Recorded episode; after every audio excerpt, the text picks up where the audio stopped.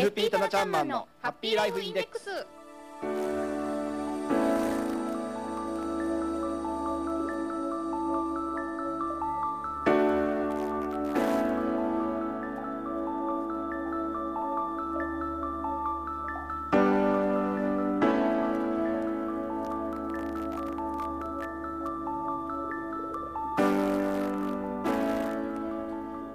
タナちゃんマンのハッピーライフインデックスこの時間はあなたの夢と未来をトータルサポートするライフサポート有限会社の提供でお送りします。私たちと一緒に明るい未来幸せな生活になるためのマネーライフを考えてみませんか？番組では皆様からの疑問質問を受け付けております。宛先は hama.p-wave.ne.jp ハマアットマーク p-wave.ne.jp です。それでは早速一級ファイナンシャルプランニング技能士のライフサポート代表のタナちゃんマンを呼んでみましょう。タナちゃんマン。はいこんにちは棚橋です。よろしくお願いいたします。こちらこそお願いいたします。いつもでしたら原潤ですけれども、はい、すいません男性で。申し訳ないです。はいそんなわけでございましてえー、まあ先週からですね、はい、えー、リスクのお話をい。ろいろお伺いしておりますが、はい、今日のテーマを教えていただけますでしょうか、ね。はい、えー、リスク6つのリスクがあるということで、えー、先週お話しいたしましたけれども、はい。えー、そのうちの2つ、えー、ですねインフレリスクそれと金利変動リスクについてお話をしていきたいなと思っております。インフレリスクと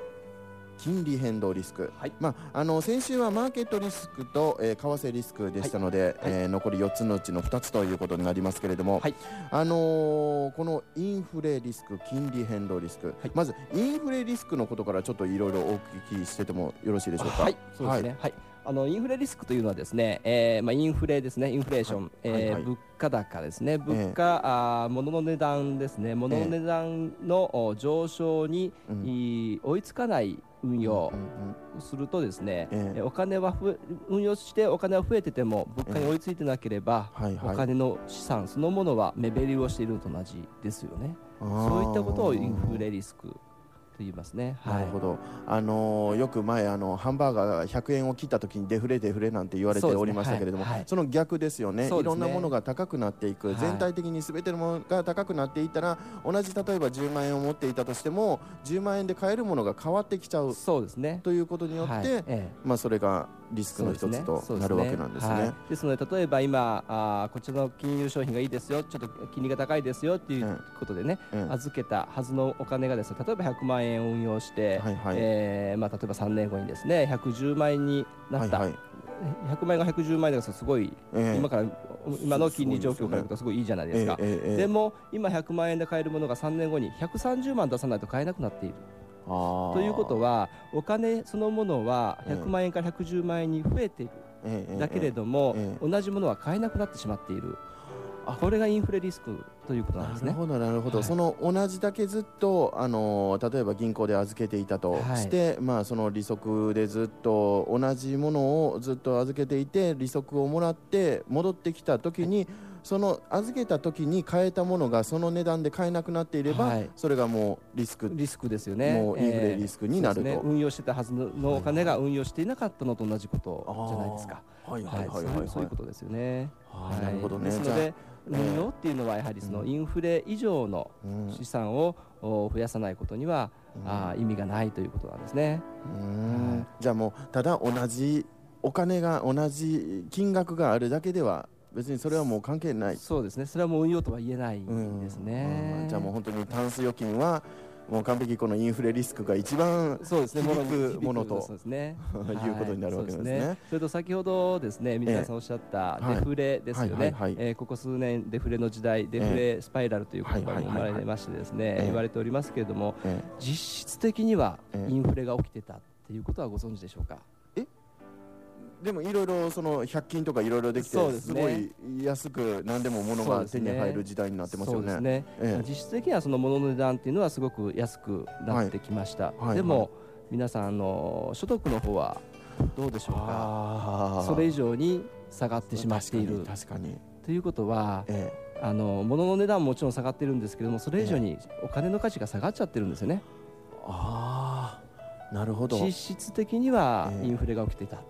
ということなんですよ。これはそしたらその利息だけではなくてその給与とかそういったその収入面が減るっていうのもインフレの一つにもなってくる、ねはい、あのインフレというのはですね、物の値段が上がること、イコールインフレなんですが、裏返して言えば、えー、お金の価値が下がってしまうこと、これもインフレなんですよ。ですので、えー、物の値段が下がる以上にお金の価値が下がってしまえばそれは実質インフレなんですね。実質インフレということはい、そういうことなんですよね。あ確かにまあ本当に収入がねガタッと減ってしまうあのボーナスがカットとかなんかいろいろ言われる時代でしたもんね。そうですね。あじゃあいくら安くなったと言っても逆に言えばその売ってる方としては安くしないと売れない状態だった。でも実はもらっているお金とかはもっとそれ以上に減っていたと。そうですね。ですからデフレスパイラル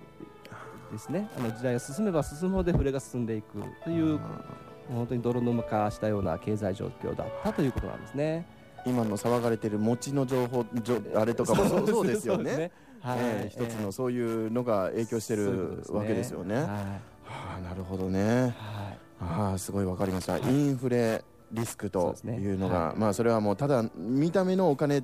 だけではなく、はい、全体的なその物価が変わってくるようにそうです、ね、それでリスクになってくるとそうです、ね、い。うことになるわけですね。はい、そしたらもう一つ、はい、金利変動リスク。そうですね、はい、金利変動リスクはですね先ほどのインフレリスクすごくあの密接な関係にありましてですね、はいはいはい、例えばそのインフレ今、まあ、実質インフレというお話をさせていただきましたけれども、ええ、実質は0.2%前後ぐらいの、うん、えー、インフレが起きてるんですね日本の国内。このデフレの時代でも。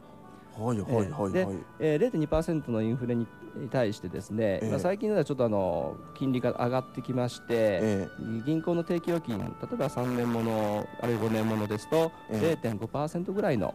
えー、金利がつくんですね。0.5%、はい。はい、ということは先ほどお話しした物価高よりも金利のが高い、はい、と思いがちじゃないですか。そうですね。で、で、えー、そう思って、まあ、例えば5年定期に預けた0.5%の金預けた、はい、しかしえー、このここ最近ですねちょっとあの先週お話ししました、えー、アメリカのですねサブプライムローンの関係で、金利上昇をちょっと見送っているという情勢はあるんですが、えー、ここ最近の経,、えー、経済成長からですね、日銀が金利を上げたがっているんですね。はいはいはいこうい。う時期にですね例えばこの5年あるいは10年といった長い期間、今の低金利で預けてしまったら、あそうなるのかということなんですね。逆に、えー、金利が上がってしまえば物価も上がってしまいます。ということは、えー、インフレリスクをもろにかぶってしまう。つまり金利変動リスクとインフレリスクというのはすごく密接な関係にあるということなんですね。なるほどね。金利変動その金利がいつ変動するかわからないから、はい、それによっていつどどれだけのあの長さで預けるかっていうのもすごく考えなきゃいけないですね。ですので、えー、この金利が、えーこのまあ、上昇局面にあるというふうに言うんですけれども、えー、えー、上がりそうだなっていう時にはですね、長い期間固定金利で固めないということなんですね。あえー、だから変動型のですね定期預金っていうのも最近はありますので、えそういうのを預ければですね、えー、預けている一定期間ごとにですね、うん、えー、まあおおむね半年ごとなんですけれども、はいはい、半年ごとに金利の見直しがあってそれに合った金利でですね、えー、あの利息がついていきますのでそういったものを預けたりとか。あるいはその、えー、短期短期のですね運用で、えー、長期間、計画的に運用していくとかいったようなことが必要ですね。普通だったら長ければ長いほどまあ、金利というか利息が高いことになりますよね。はい、まあ、だけれども例えば今からでいけば金利は上がっていくものなんですかね上がるだろうというふうに予測はされておりますよね。はいはいはい、っていう今今であればそういう変動型の金利のやところに入れた方がそうですね。いいだろうと、はいそうですね。逆に今その不景気にどんどん落ちていっているところで変動ところに入れたら 逆にどんどん減っていくわけになりますもんね。です、から高金利な時代にこれから下がるであろうといった時には、えー、えー、できるだけ長い期間、うんうん、えー、高い金利で、えー、固定した方がいいですよね。じゃあその時の本当にもう経済状況というのか金利がどうなっていくのかっていうのを予想して、まあ、それも予想なんで本当にそうなるかどうかも100%は分からないけれども、はい、予想してどういう形のものに入れていくかと。そうですね、はい、じゃあ本当にその例えば5年とかでやった方が今だったら例えば 0. 何パーセントっていうのが高いけれども、はい、半年でちょっと低い金利でやっていった方が実はいいかもしれないですね。そうですね。5年、うん、年固定金利の、うん、えー、定期預金に預けたら5年間も金利は固定されますけれども、はいはい、えー、短い期間、うん、えー、でしたらその間に金利が上がっていけば預け替えるっていうことができますよね。あの高い金利の商品に、えー、えー、そういったこともできますので今だったらその方のがいいかなと思いますね。ああ、なるほどね。じゃあこの金利が変動するというのをどうやって変動するかっていうのを考えて予想してそしてまあどどこに入れていくのかまあ、どの長さに入れていくのかどの、まあ、ところにやっていくかとい。うのを考えていくと、はい、そうですね。ちょっと面白いデータがあるんですけれども、えはいはい、えー、郵便局の、はいはい、えー、今民営化されましたけども、うん、当時まだ、はい、郵政省の頃なんですけれども、はいはい、えー、金利ですね、えー、例えば1990年はい。えー、今から約17年前ですね、はい、えー、10年もののごめんなさい、えー、10年ものですね、はい、の金利、えー、定額貯金のですね、はい、金利ってどれぐらいあったかご存知ですか？えっ、ー、と90年ってバブルそうですね。の頃。頃ですね。バブル崩壊前。頃。崩壊する直前頃ですね。じゃあ一番一番いい頃一番いい頃ですね、はい。え金利が？はい。4.7%なんですよ、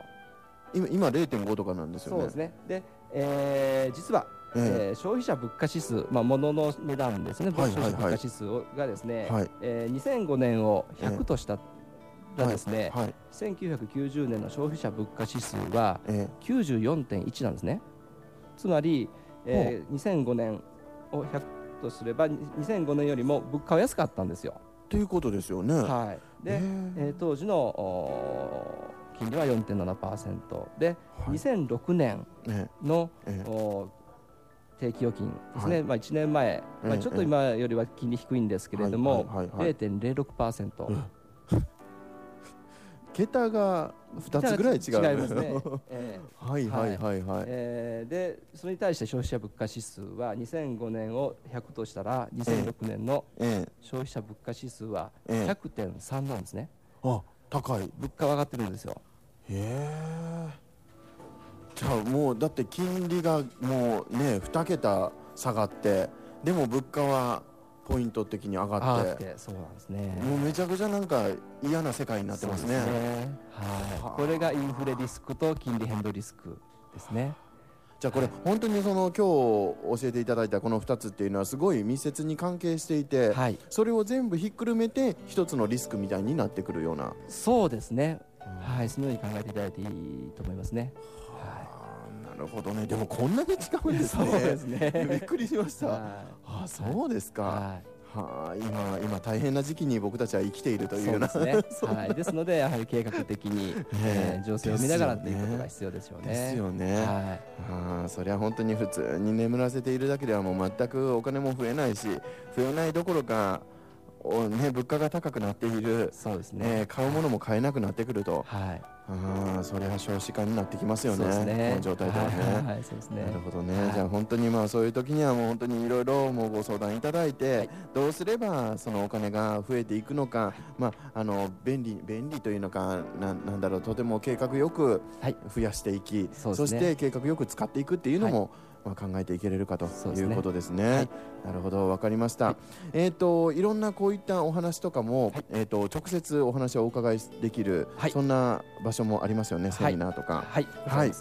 えっ、ー、と、次にあるのが、えっ、と、もうすぐですね、今週の末。はい。11月の17日の土曜日の昼2時から3時半までということですが、はい、えー、場所はこれは、えーと、日永東にある四日市市勤労者福祉センターですね。はい、はい、これは大体どういった内容の、はい、次回はですね、はい、あのー、一番ご相談の多い生命保険についてお話をしていきたいと思っております。まあこれは一生ものですもんね。そうですね。はい。なるほど。じゃあこの生命保険についていろいろお話をお伺いできるということです。これえっ、ー、と料金は？無料です。無料ですか？はい、それは素晴らしいですね。ぜひぜひ皆さんもお出かけいただきたいと思います。11月の17日土曜日、えー、昼2時から3時半まで四日市市勤労者福祉センター、えー、こちらの方で、えー、生命保険についてなどの、えー、セミナーが行われます。ぜひお出かけください。えー、この辺りも含めて、えー、詳しいことはライフサポート有限会社の方までお問い合わせください、えー、電話番号は059-334の8111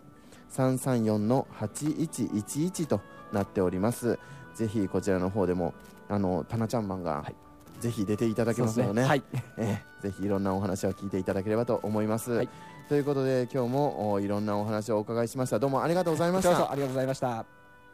FG FP タナちゃんマンのハッピーライフインデックスこの時間はあなたの夢と未来をトータルサポートするライフサポート有限会社の提供で浜園サテライトスタジオよりお送りいたしました。それではまた来週この時間にお会いしましょう。バイバイ。さよなら。失礼します。